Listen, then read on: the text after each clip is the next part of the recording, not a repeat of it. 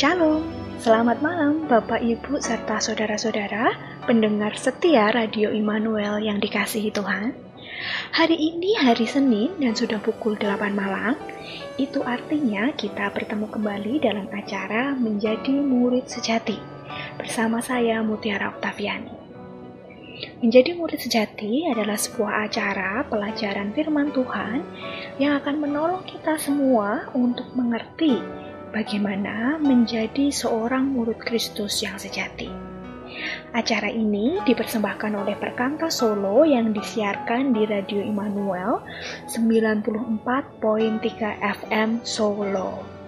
Nah, bagi Anda yang di luar kota Solo, di luar Pulau Jawa, atau bahkan di luar negeri, jangan khawatir, Anda tetap bisa mengikuti siaran menjadi murid sejati ini melalui streaming di alamat www.jugjastreamers.com atau bisa juga Anda download dulu di Playstore Anda dan silahkan dicari aplikasi Jogja Streamers.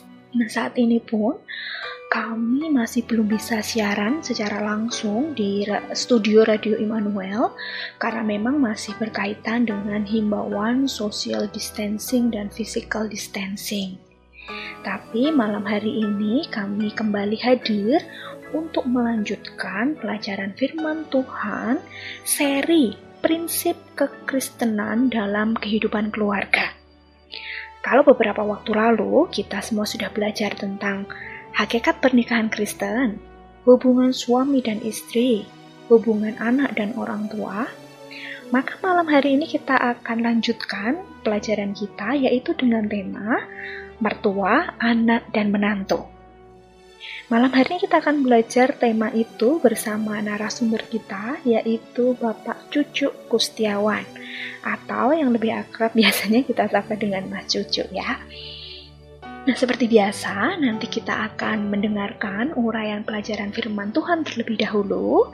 Setelah itu, saya akan mengundang Bapak Ibu Saudara untuk bergabung dalam sesi tanya jawab bersama kami. Jadi, silahkan nanti Bapak Ibu Saudara mengirimkan pertanyaan-pertanyaan berkaitan dengan tema kita malam hari ini ke nomor WhatsApp yaitu 0858 0004 3736.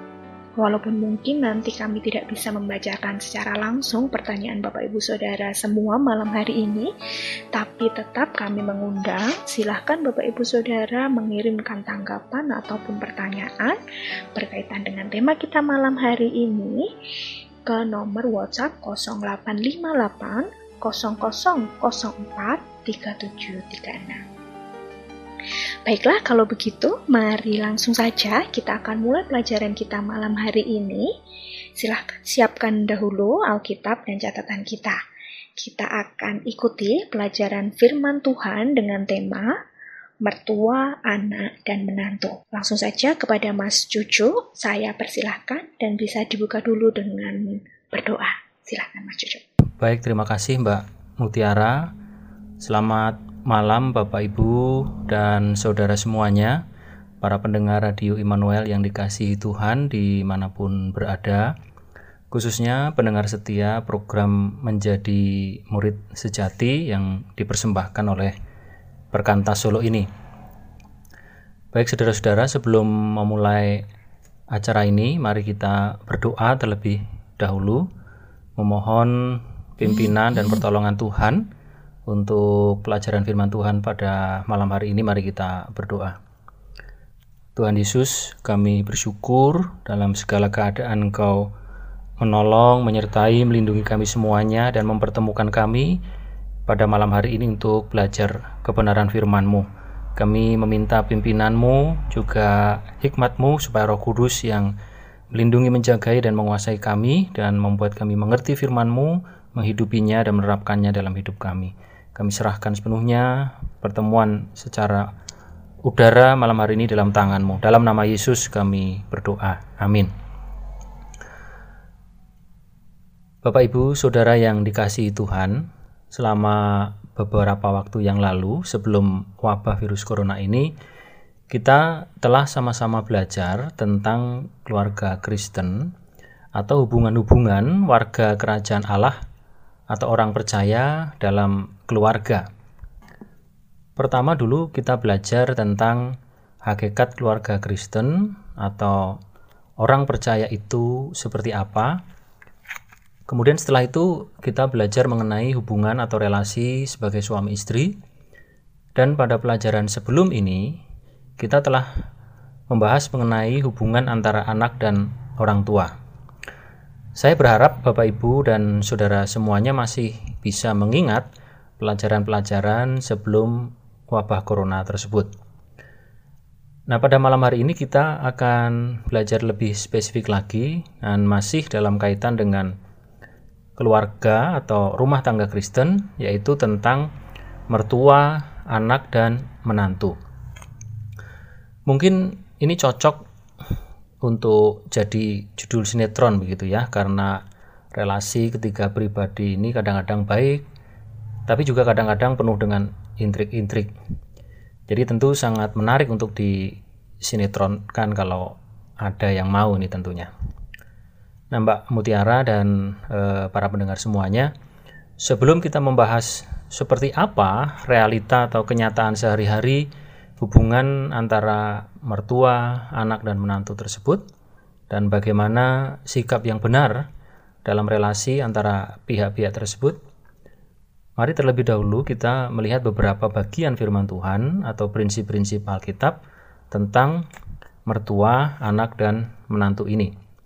Nah, saya mempersilahkan para pendengar semuanya untuk membuka Alkitab atau e, catatannya yang pertama bahwa Alkitab mencatat adanya relasi-relasi atau hubungan-hubungan antara mertua dan menantu atau menantu dengan mertuanya itu.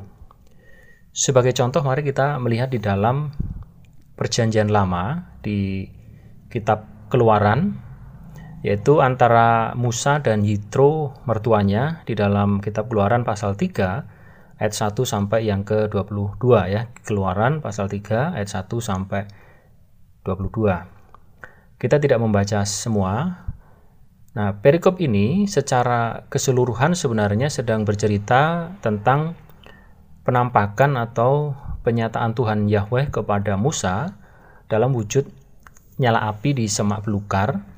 Tetapi semak belukar yang berduri itu tidak terbakar dan di sinilah juga Tuhan Yahweh itu menyatakan panggilannya kepada Musa untuk membebaskan orang Israel dari perbudakan Mesir.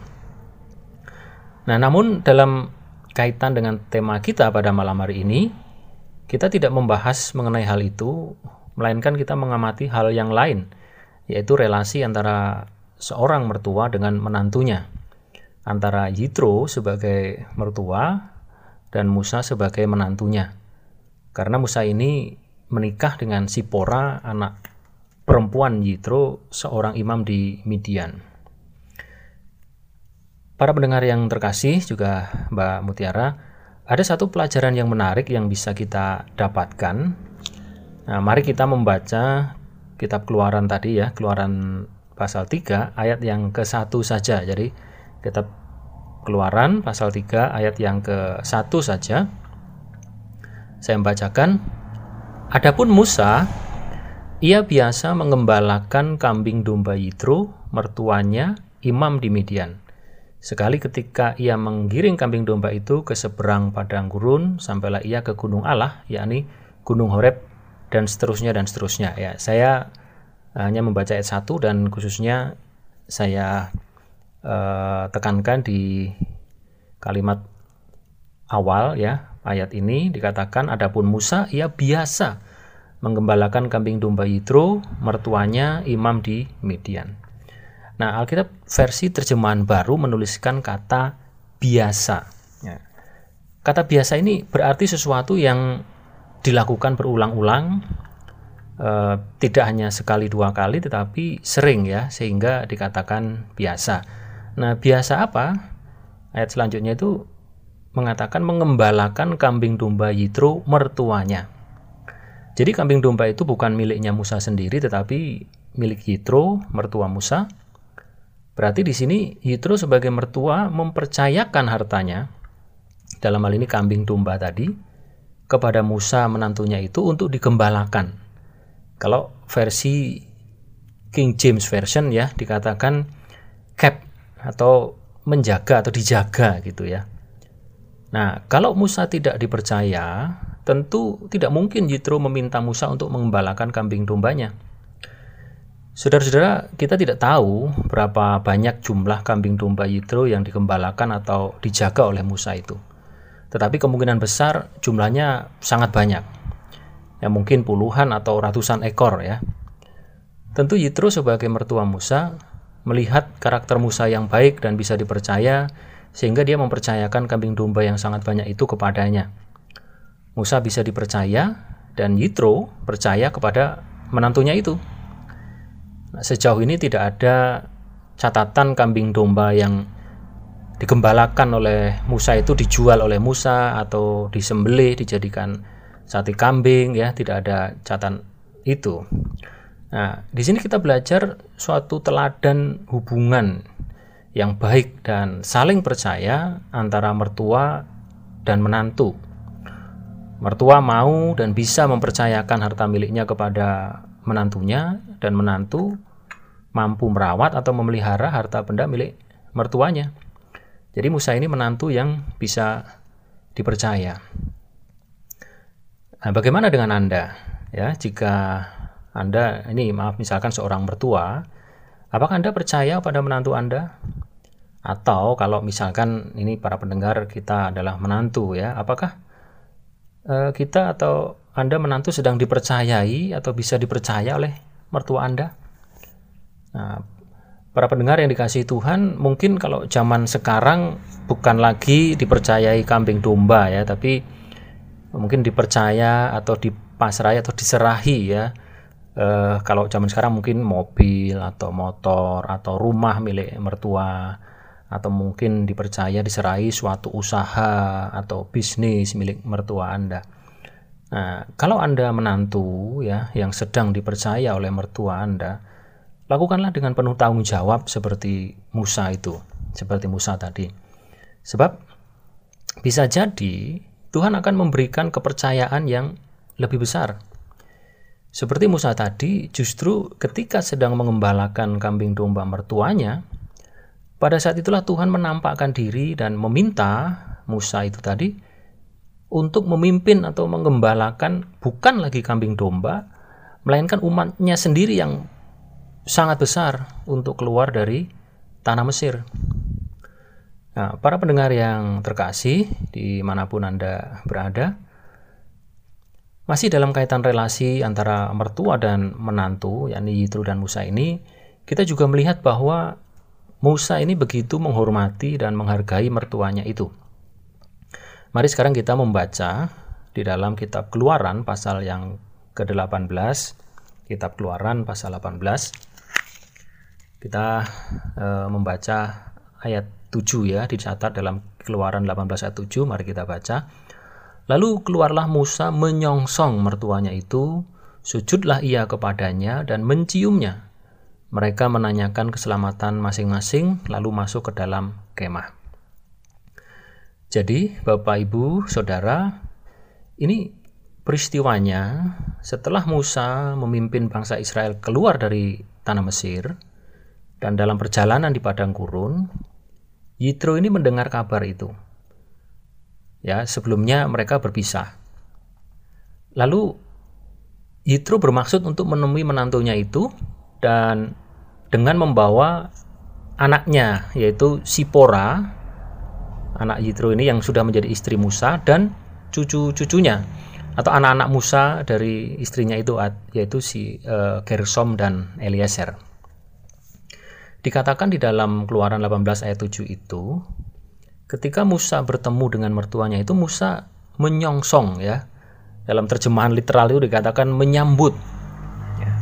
Lalu ekspresinya dikatakan sujud ya. Uh, apa namanya membungkuk ya kalau New English uh, Translation atau NET itu bow down ya tersungkur yang menarik juga ini saya membaca dalam terjemahan bahasa Jawa itu uh, dikatakan sungkem ya sungkem Jadi betapa Musa sangat hormat dan respek kepada Yitro mertuanya.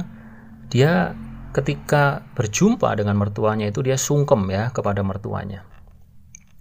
Nah, Mbak Mutiara dan para pendengar semuanya, eh, kalau pada zaman sekarang ya, eh, mungkin sungkem eh, ini istilah bahasa Jawa ya, eh, apa namanya, tersungkur sujud, semacam menghormati kepada mertua itu zaman sekarang mungkin hanya terjadi pada saat upacara pernikahan ya di mana para pengantin atau mempelai itu sungkem kepada orang tua dan mertuanya.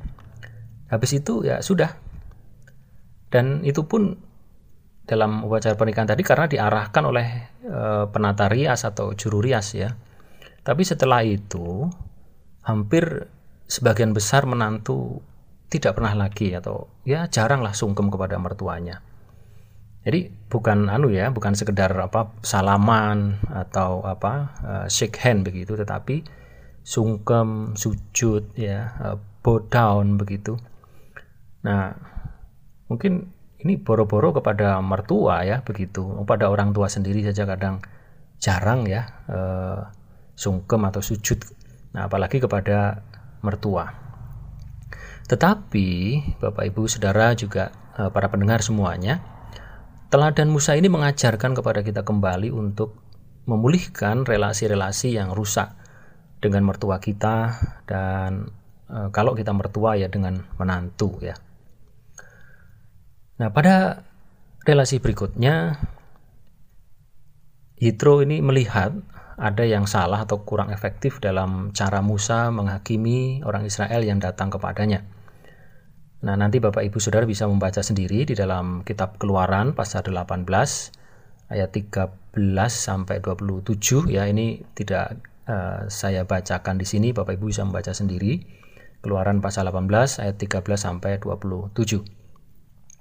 Nah, di situ Yitro itu memberi masukan kepada Musa agar dibuat atau dipilih pemimpin atau hakim ya pada waktu itu yang akan mengadili atau memimpin seribu orang, ya seratus orang, lima puluh orang dan sepuluh orang. Di mana sebelumnya e, kalau orang Israel ada masalah itu hanya Musa sendiri yang mengadili atau e, memimpin seluruh orang Israel itu. Jadi betapa melelahkan dan tidak efektifnya ya, baik bagi Musa maupun bagi orang Israel. Nah, ide ini atau masukan ini agar Musa bisa lebih efektif ini berasal dari Yitro mertuanya dan sesuatu yang uh, tidak dilihat oleh Musa sebelumnya. Nah, para pendengar juga Bapak Ibu yang dikasih Tuhan, kadang juga ya di dalam relasi dengan uh, mertua, ya menantu dengan mertua atau sebaliknya ya, terutama dengan mertua karena pengalaman hidup mertua yang lebih lama atau lebih panjang ya, bisa dikatakan istilahnya itu sudah banyak makan asam garamnya kehidupan ini, kadang bisa memberikan nasihat-nasihat kehidupan yang baik ya. Bahkan ya mungkin dari pengalaman-pengalaman kegagalan-kegagalannya pun itu bisa menjadi apa namanya eh, pelajaran kehidupan eh, supaya apa menjadi peringatan bagi kita. Apalagi kalau itu pengalaman yang ya dalam tanda kutip eh, apa namanya keberhasilannya begitu. Nah Yang kedua, Bapak Ibu juga saudara-saudara yang dikasih Tuhan, para pendengar semuanya, masih dalam perjanjian lama, kita akan melihat lagi contoh relasi antara menantu dan mertua ini. Kali ini contohnya perempuan yaitu uh, Ruth dan Naomi. Secara singkat dicatat uh, dan dikisahkan dalam kitab Ruth bahwa uh, Naomi dan suaminya yang bernama Elimelech ini karena kelaparan di tanah Israel pada waktu itu kemudian pergi atau mengungsi ya lalu menetap uh, di Moab di negeri Moab dengan membawa serta kedua anak-anak lakinya mereka yaitu yang bernama Mahlon dan Kilion. Singkat cerita matilah uh, suami Naomi yang bernama Elimelech, Elimelech ini di negeri Moab dan akhirnya Naomi hanya hidup dengan dua anaknya laki-laki tadi yaitu Mahlon dan Kilion. Setelah itu Mahlon dan Kilion menikah dengan perempuan Moab yang bernama Orpa dan Ruth. Kemudian diceritakan uh, Mahlon dan Kilion mati juga ya. Lalu akhirnya hanya tinggal Naomi dan kedua menantunya yang bernama Orpa dan Ruth. Nah, pada waktu Naomi sudah tidak punya apa-apa dan siapa-siapa lagi, Naomi bermaksud untuk mudik atau pulang kampung ya. Nah, monggo ini mau dibilang mudik boleh, pulang kampung juga boleh. Ya, mudik atau pulang kampung ke Israel. Karena dia mendengar sudah tidak ada terjadi lagi kelaparan di tanah Israel. Nah, si Orpa ini salah satu menantunya memilih untuk tetap di Moab dan kembali kepada orang tuanya. Tetapi Ruth e, memilih untuk ikut Naomi ke Israel. Nah, singkat cerita, Ruth yang adalah orang dari bangsa Moab ini kemudian menyatakan ekspresi imannya kepada Allahnya Naomi, e, Yahweh Allah Israel itu dia mengatakan bangsa mulah bangsaku, juga Allah mula Allahku, dan Kemudian dia mengikuti Naomi, meninggalkan negaranya untuk menetap di Israel. Lalu mereka tinggal bersama di Bethlehem di tanah Israel. Nah, para pendengar yang dikasih Tuhan, perlu kita ketahui bersama bahwa e, Naomi dan Ruth ini adalah mertua dan menantu ya, sama-sama perempuan dan e, pada saat itu sama-sama janda ya. Tetapi dari dua bangsa yang berbeda ya. Satu orang Israel dan satunya lagi orang Moab tapi kemudian tinggal dan hidup bersama serumah. Nah ini tentu tidak mudah ya. E, sama-sama janda ya. Tidak punya siapa-siapa lagi tidak punya apa-apa lagi. Ini tidak mudah ya. Bahkan ini kadang dalam apa namanya kenyataan sehari-hari itu ada anggapan ya. Kalau zaman sekarang itu e, mertua perempuan tuh dikatakan tidak pernah bisa cocok dengan menantunya perempuan. Tetapi ya dalam relasi dan Ruth e, dalam relasi Ruth dan Naomi ini yang terjadi justru sebaliknya. Mereka hidup bersama dan saling menolong ya. Ada hal-hal yang menarik yang bisa kita pelajari. Ruth sebagai menantu ini dia rajin bekerja. Ya, memungut jelai ya jelai ini mungkin sejenis dengan apa e, gandum atau padi-padian atau yang ya kira-kira semacam itu ya pada zaman itu. Untuk kebutuhan mereka berdua.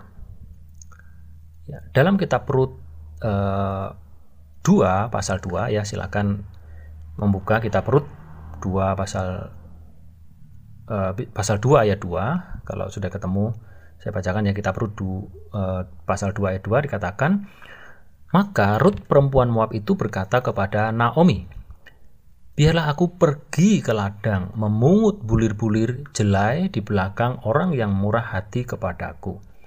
Dan sahut Naomi kepadanya, Pergilah anakku, dan bekerjalah Ruth mencari makan untuk hidupnya dan mertuanya itu. Jadi Ruth berinisiatif untuk pergi ke ladang memungut bulir-bulir jelai ya, artinya bekerja mencari nafkah bagi hidupnya maupun mertuanya itu. Nah, sedangkan Naomi sebagai mertua ternyata juga, dia juga tidak tinggal diam. Ya, dia terus berusaha menegakkan keturunan atau ya sederhananya itu mencarikan jodoh lagi ya untuk eh, menantunya yang janda tersebut karena sudah apa namanya ditinggal mati oleh uh, anak kandungnya yang jadi suami uh, Ruth ini si Kilion tadi ya. Nah, di dalam Ruth kita Ruth pasal 3 ayat 1, Ruth pasal 3 ayat 1 Mari kita baca Naomi berkata kepada menantunya itu ya Ruth 3 ayat 1 Lalu Naomi mertuanya itu berkata kepadanya Anakku, apakah tidak ada baiknya jika aku mencari tempat perlindungan bagimu supaya engkau berbahagia? Jadi Naomi ini berpikir dan berinisiatif untuk mencarikan tempat perlindungan ya uh, bagi Ruth ini ya mencarikan pasangan atau mencarikan jodoh bagi Ruth ini. Nah singkat cerita kemudian Naomi uh, apa namanya uh, uh, menjodohkan dengan Boas yang masih sanak dari Elimelek almarhum suaminya itu. Lalu menikahlah Ruth dan Boas. Kita tak kita tahu dari pernikahan Ruth dan Boas tersebut, kemudian lahirlah Obed. Obed ini ayah dari Isai, Isai ini ayah dari Daud, di mana dari keturunan Daud dan seterusnya itu kemudian lahirlah Mesias ya. Nah, para pendengar yang dikasih Tuhan dan juga Mbak Mutiara ini ya. Dengan demikian bisa dikatakan bahwa dalam relasi mertua dan menantu antara Naomi dan Nur ini ada rencana kekal Allah di dalamnya yaitu kelahiran Mesias sang juru selamat. Maka kalau kita lihat silsilah Yesus Kristus dalam kitab Matius ada nama Rut di sana menantu Naomi itu. Jadi pelajarannya adalah bisa jadi ya dalam relasi kita dengan mertua atau mertua dengan menantu ya bisa dipakai oleh Tuhan untuk melakukan rencananya. Ya ada maksud Tuhan di sana, ada tujuan Tuhan di sana, ya dalam relasi mertua dan menantu itu. Maka kita tidak boleh sembarangan ya dalam relasi dengan mertua, anak dan menantu ini. Kemudian yang ketiga, Bapak Ibu Saudara dan para pendengar semuanya. Nah, sekarang kita akan melihat hubungan menantu dan mertua itu di dalam perjanjian baru ya, khususnya antara Simon Petrus dan ibu mertuanya. Mari kita baca Injil Lukas pasal 4 ayat 38 sampai yang ke 39 ya. Lukas 4 ayat 38 sampai 39 kalau sudah ketemu, mari kita baca.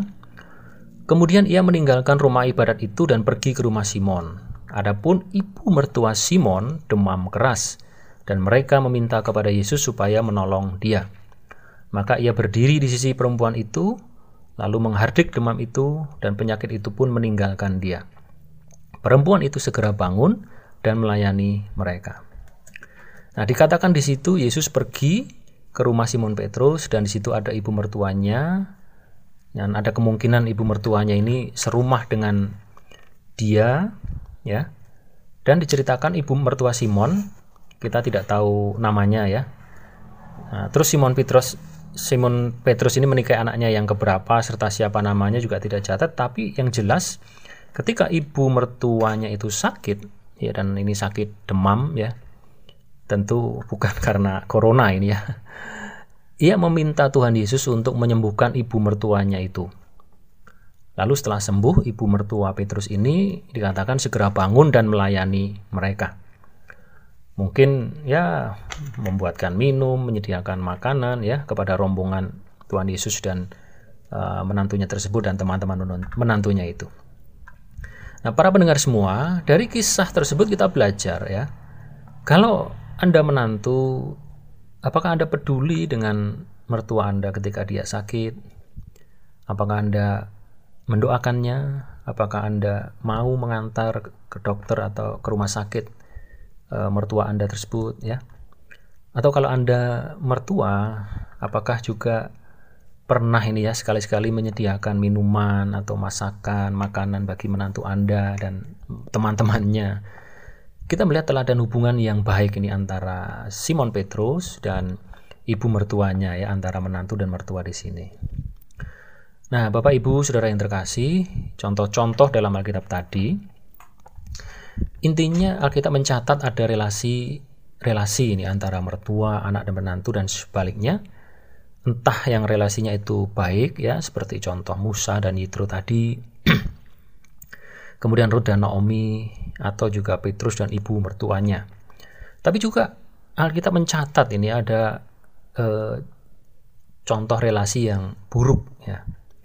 Nah, misal ini antara Yehuda dan Tamar ya Yehuda dan Tamar di dalam kitab Kejadian 38 ayat 16 ini dicatat ya sampai maaf ya uh, apa namanya terjadi hubungan intim antara ayah mertua Yehuda itu dengan menantu perempuannya ya Tamar ya.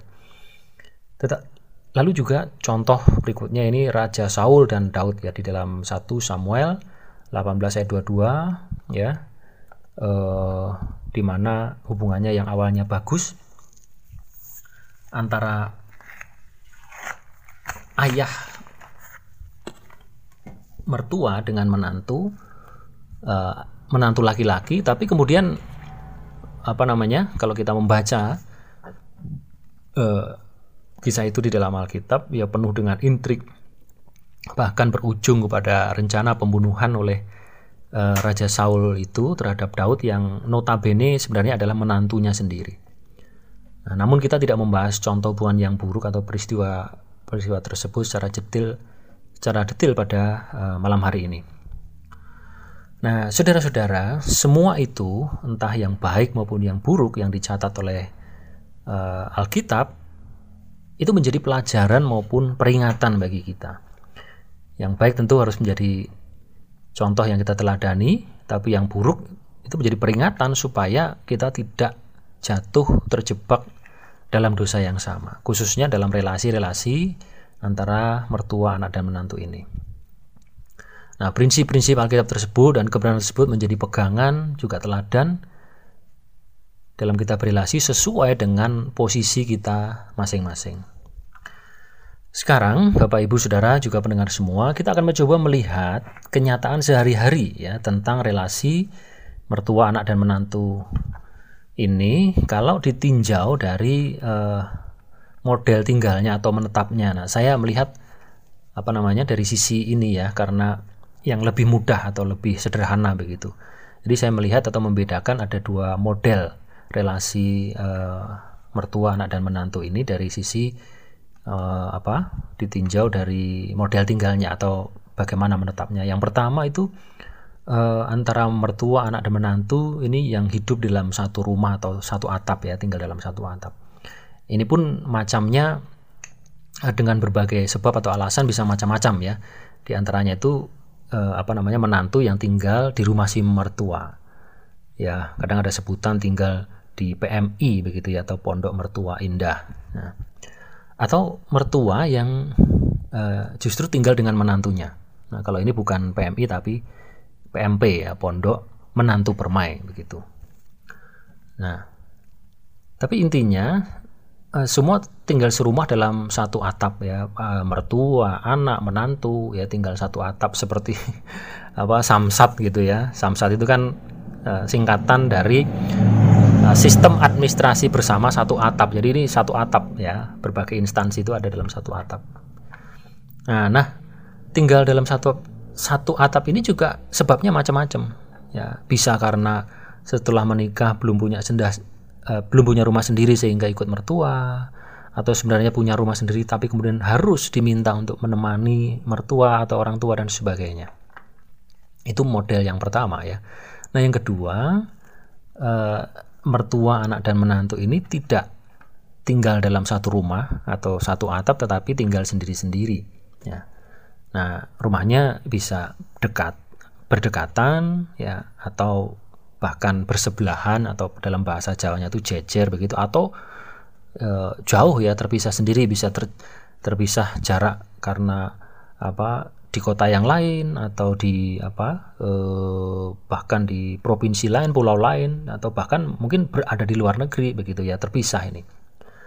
Nah kenyataan ini atau apa namanya e, fakta model kehidupan yang serumah maupun tidak ini tentu berbeda dalam menghadapi dan menjalaninya. Yang serumah dengan mertua atau menantu ya, yang ikut mertua mungkin ada rasa sungkan untuk melakukan ini itu, merasa tidak bebas dan sebagainya. Tapi bagi yang tidak serumah ya e, merasa lebih merdeka, lebih lebih bebas ya. Kenapa? Karena ya kan ini di rumah rumahnya sendiri begitu.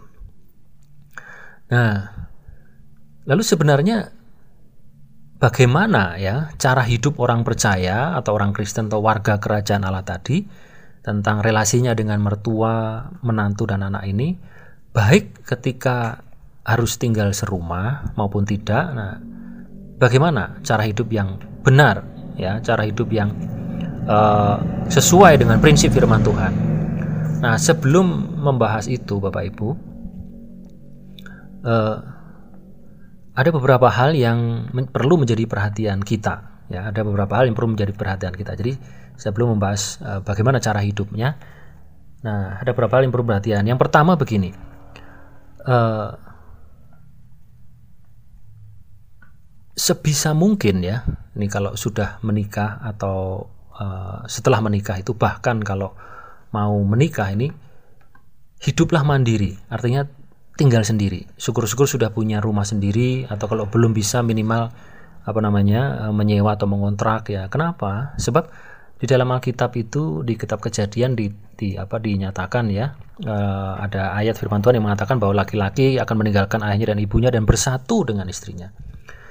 Jadi jangan berpikir kalau menikah ketika menikah itu kemudian mengatakan ah nanti mau numpang atau mendompleng sama orang tua atau mertua ya. Tadi istilahnya tinggal di pondok mertua indah. Atau ada juga dalam bahasa Jawa itu istilah molimo ya. Jadi molimo itu bukan main mabuk madat maling dan seterusnya bukan itu. Tetapi molimo itu ada istilah yang eh, guyonan orang mengatakan madep mantep mangan melu morotuo ya. Jadi mau limo ya. Madep mantep mangan melu morotuo nah orang percaya atau warga kerajaan Allah tidak boleh berprinsip seperti itu ya tidak boleh. Prinsip dasarnya adalah harus mandiri ya entah rumah sendiri atau mengontrak dan sebagainya. Nah hidup mandiri atau tinggal di rumah sendiri ini tidak bergabung dengan orang tua atau mertua ini bukan karena ingin mengabaikan orang tua atau mertua tidak tapi justru karena ingin menggenapi perintah atau prinsip orang Tuhan yang mengatakan tadi bahwa seorang laki-laki akan meninggalkan ayah dan ibunya dan bersatu dengan istrinya.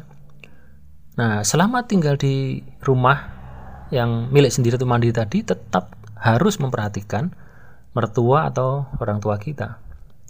Dan ya ini bagi para orang tua juga eh, jangan menghalang-halangi anak-anaknya yang sudah menikah jika ingin hidup mandiri atau tinggal sendiri. Ya, justru kalau perlu didukung supaya mereka belajar membangun rumah tangga sendiri. Itu ya. Eh, sebelum kita bersama-sama membahas mengenai cara hidup eh, antara mertua anak dan menantu tadi. Nah, harus mandiri. Tetapi kalau terpaksa harus tinggal serumah, tinggal satu atap dengan orang tua atau mertua bagaimana? Nah, ini entah karena kondisi orang tua atau mertua yang sudah tua sehingga harus ditemani, orang tuanya sakit-sakitan atau cuman sendirian.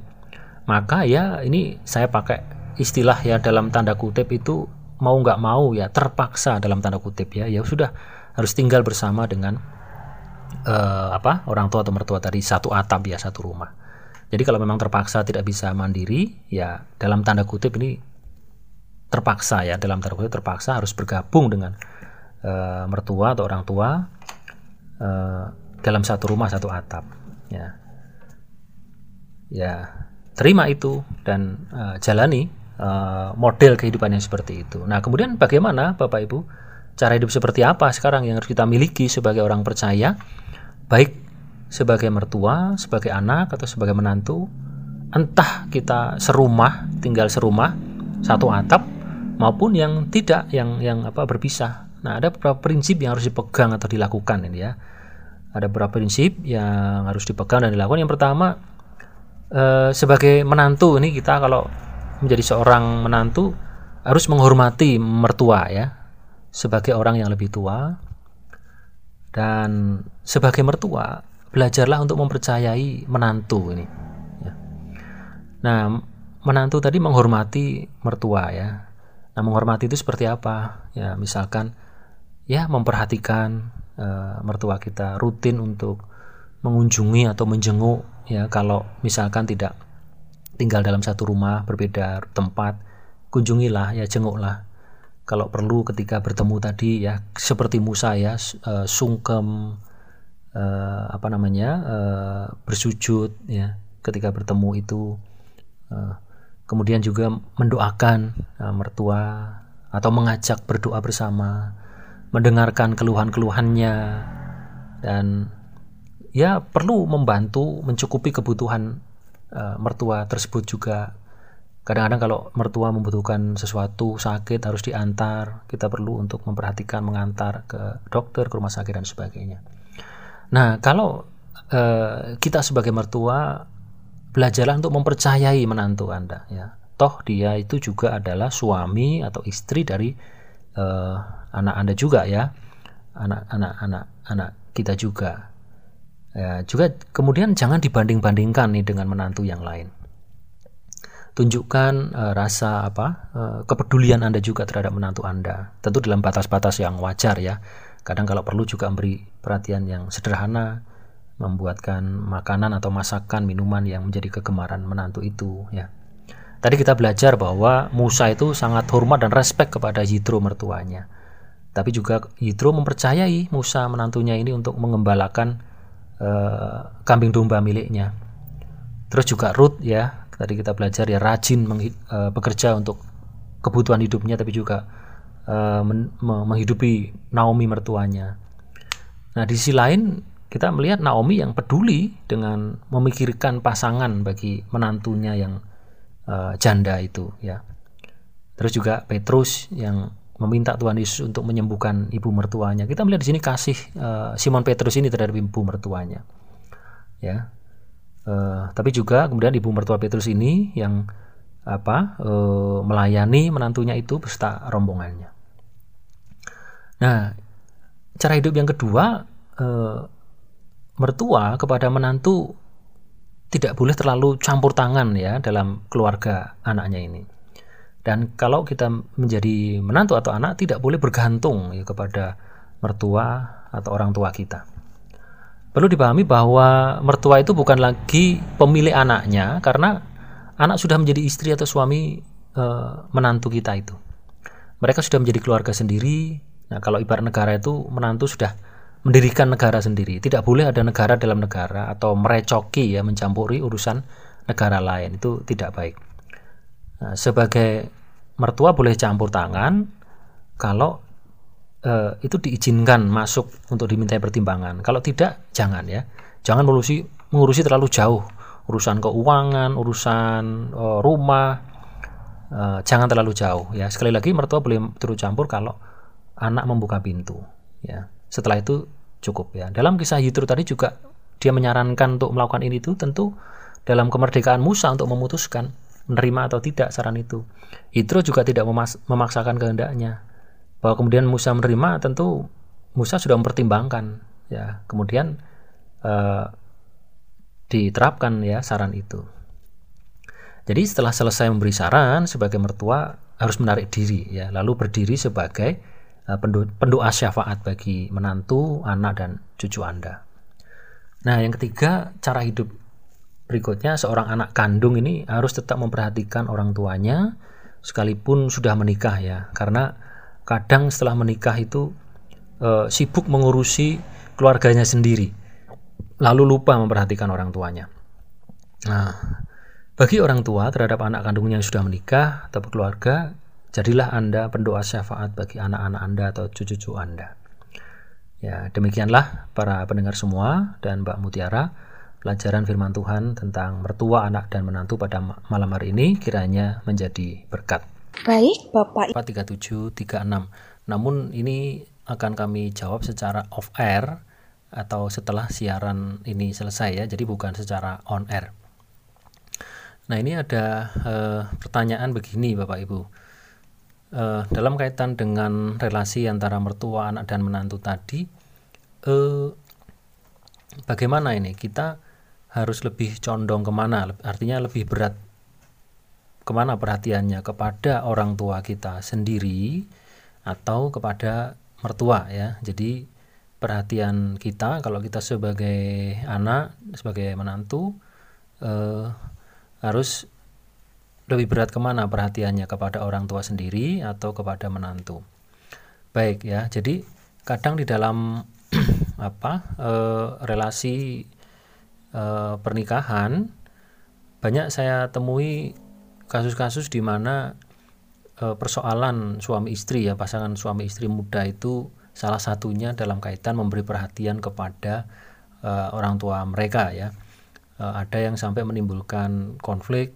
Kenapa? Karena istri menganggap perhatian kepada orang tua suami itu lebih besar sementara kepada orang tuanya tidak atau sebaliknya suami menganggap perhatian kepada orang tua istri lebih besar sementara kepada orang tua dirinya atau si sang suami ini kecil. Nah, bagaimana? Bapak Ibu kalau kita kembali kepada prinsip tadi bahwa sebenarnya eh, perhatian itu haruslah seimbang ya, haruslah uh, tidak membeda-bedakan karena toh semuanya juga orang tua kita ya baik orang tua kandung maupun mertua itu sama-sama orang tua kita. Jadi perhatiannya harus seimbang. Hanya mungkin bentuk dari perhatian itu bisa berbeda. Tetapi uh, porsinya mesti sama ya. Katakanlah misalkan perhatian kepada uh, orang tua itu. Misalnya kalau di prosentase itu 30% maka perhatian kepada uh, mertua juga 30% ya jadi supaya uh, sama supaya imbang. Nah ini sebagai contoh saja misalkan uh, kalau kita tinggal sendiri terpisah dengan orang tua maupun mertua ya dibuatlah eh, kesepakatan pengaturan. Kalau menengok orang tua sebulan sekali ya menengok mertua juga sebulan satu kali. Jadi eh, porsinya eh, apa namanya eh, seimbang begitu sama ya jadi seperti itu baik nah kemudian pertanyaan yang berikutnya ini kaitan dengan uh, suasana pandemi corona ini ya. Ini kok temanya mertua, anak dan menantu. Apa sih manfaatnya atau hubungannya tema mertua, anak dan menantu di tengah wabah corona ini? Iya, baik, ini pertanyaan yang menarik ya. Apa hubungannya atau apa manfaatnya?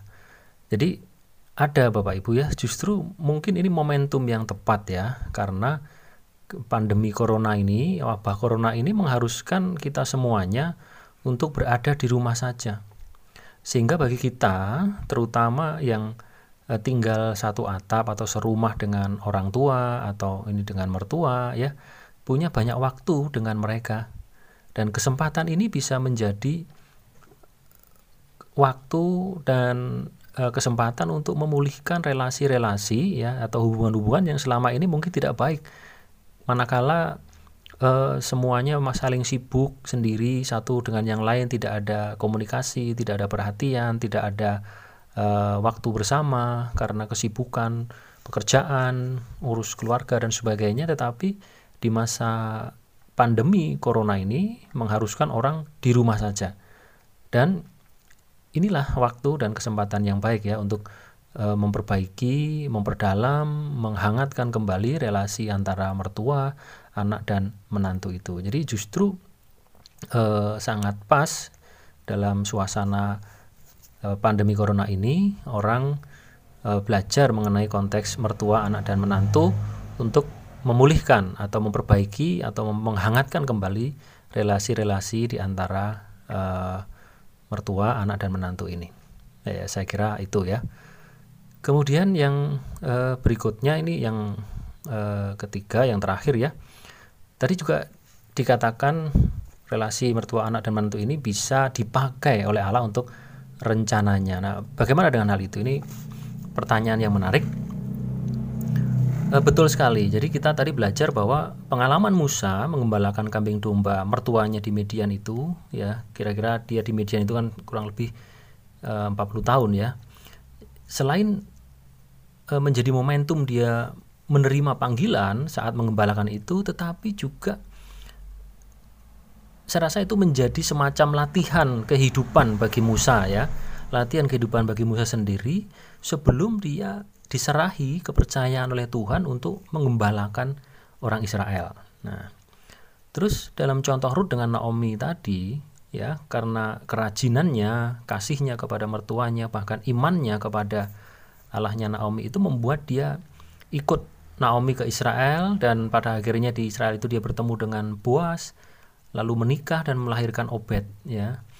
Kemudian Obed ini memperanakkan Isai, Isai memperanakkan Daud sampai kemudian masuk kepada jalur silsilah Yesus Kristus. Nah, coba kalau misalkan dia atau Ruth ini memilih seperti Orpa yang kembali ke Moab dan tidak ikut Naomi ke Israel. Tidak akan dia bertemu dengan Boas, dan berarti juga tidak akan memperanakkan Obed, Isai, Daud dan seterusnya. Jadi artinya apa, saudara saudara-saudara? Jangan remehkan atau sepelekan ya relasi-relasi kehidupan yang sedang kita jalani saat ini, baik dengan mertua, dengan menantu, anak dan sebagainya. Berbagai pengalaman kehidupan yang sedang kita jalani bersama mertua, anak dan menantu itu karena mungkin Tuhan sedang ingin memakai melalui relasi-relasi itu untuk rencananya. Ya, ada maksud dan e, tujuan Allah di balik itu semuanya. Maka jangan sembarangan ya untuk kita menjalani relasi-relasi dengan e, mertua, dengan menantu, dengan anak kita itu. Baik Bapak Ibu Saudara semuanya sebelum berpisah kita akan simpulkan pelajaran pada malam hari ini bahwa orang percaya adalah warga kerajaan Allah di mana ketika hidup dalam sebuah keluarga, khususnya dalam keluarga besar, terutama dalam relasi dengan mertua, dengan anak dan menantu, ada nilai-nilai yang harus dihidupi. Yang pertama, sebagai mertua percayai menantu Anda karena dia adalah istri dan suami dari anak-anak Anda sendiri. Peduli dengan menantu Anda, mungkin perlu juga melakukan langkah-langkah kecil untuk melayani e, menantu Anda. Yang kedua, sebagai menantu, hormati dan respeklah kepada mertua Anda. Perhatikan kondisinya, sebisa mungkin membantu juga untuk kebutuhan hidupnya. Yang ketiga, sebagai anak kandung, tetap hormati orang tua Anda sekalipun Anda sudah menikah. Jangan hanya memperhatikan keluarga kecil Anda, tapi mengabaikan orang tua kandung Anda. Demikian pelajaran kita pada malam hari ini. Kiranya menjadi berkat, mari kita berdoa. Tuhan Yesus, terima kasih untuk kesempatan kami bersama-sama kembali belajar relasi-relasi di dalam keluarga besar sebagai mertua, menantu, dan anak. Tolonglah kami agar kami hidup di dalam prinsip-prinsip dan kebenaran firman-Mu itu. Hamba menyerahkan para pendengar semuanya, supaya di masa-masa ini, di waktu-waktu bersama dan keluarga, dipulihkan hubungan satu dengan yang lain, dikuatkan, dihangatkan kembali. Tetapi lebih daripada semuanya itu keluarga demi keluarga boleh mengenal dan mengalami Engkau secara pribadi di dalam kehidupan mereka. Terima kasih ya Tuhan. Di dalam nama Yesus Kristus kami berdoa. Amin. Baik, Bapak, Ibu, serta saudara-saudara pendengar setia Radio Immanuel yang dikasih Tuhan, pelajaran kita malam hari ini sudah berakhir. Namun jangan lewatkan siaran menjadi murid sejati minggu depan hari Senin pukul 8 sampai 9 malam waktu Indonesia Barat, tetap di 94.3 FM Radio Immanuel Solo. Kembali saya mengingatkan di tengah-tengah pandemi corona ini atau COVID-19, sebisa mungkin mari kita tetap di rumah saja dan juga tetap jaga kesehatan, makan makanan yang bergizi, rajin-rajin cuci tangan. Kalau toh memang harus keluar untuk kepentingan yang sangat urgent, jangan lupa pakai masker kain. Jadi, stay safe, stay healthy, and stay happy. Tidak perlu panik, tapi kita harus tetap selalu waspada dan selalu jaga kesehatan. Selamat malam, sampai jumpa minggu depan, dan Tuhan Yesus memberkati.